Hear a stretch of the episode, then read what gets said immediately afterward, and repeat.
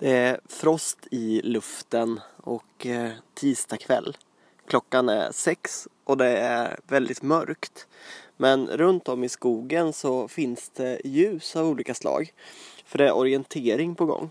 Människor springer runt med pannlampor.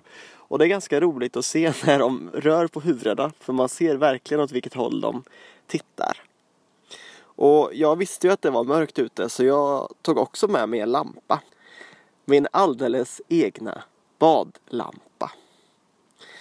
Ja, jag har ju som jag har sagt tidigare gjort badtermometrar och imorgon kommer jag utse vinnare i min tävling. Och du har fortfarande möjlighet att vara med och tävla. Och det du ska göra då är att svara på frågan Vad betyder bad för dig?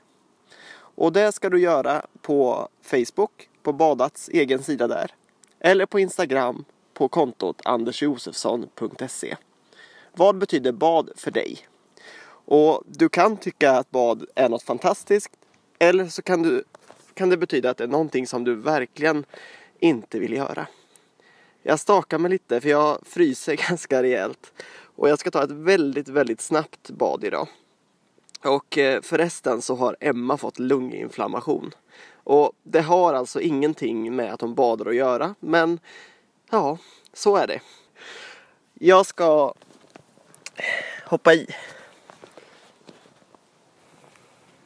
Det är väldigt kallt på bryggan här. Det är frost och det känns som att det nästan är liksom is där man går. Det är väldigt halt.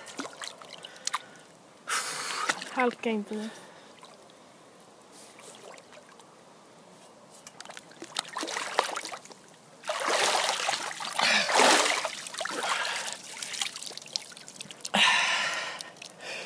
Då har jag badat klart för idag. Och Emma, du som har fått lunginflammation som är min stora hjälte och idol som följer med mig till badet även den här tisdagen. Tack så jättemycket. Varsågod. Jag måste ju se till så du inte... Ja. Det, jag ser ju ingenting, det är bara ett stort mörkt hål här nedanför bryggan. Så jag måste ju se till så att du kommer upp igen. Mm. Och var gärna med och tävla och svara på frågan. Vad betyder bad för dig? Imorgon utser jag en vinnare.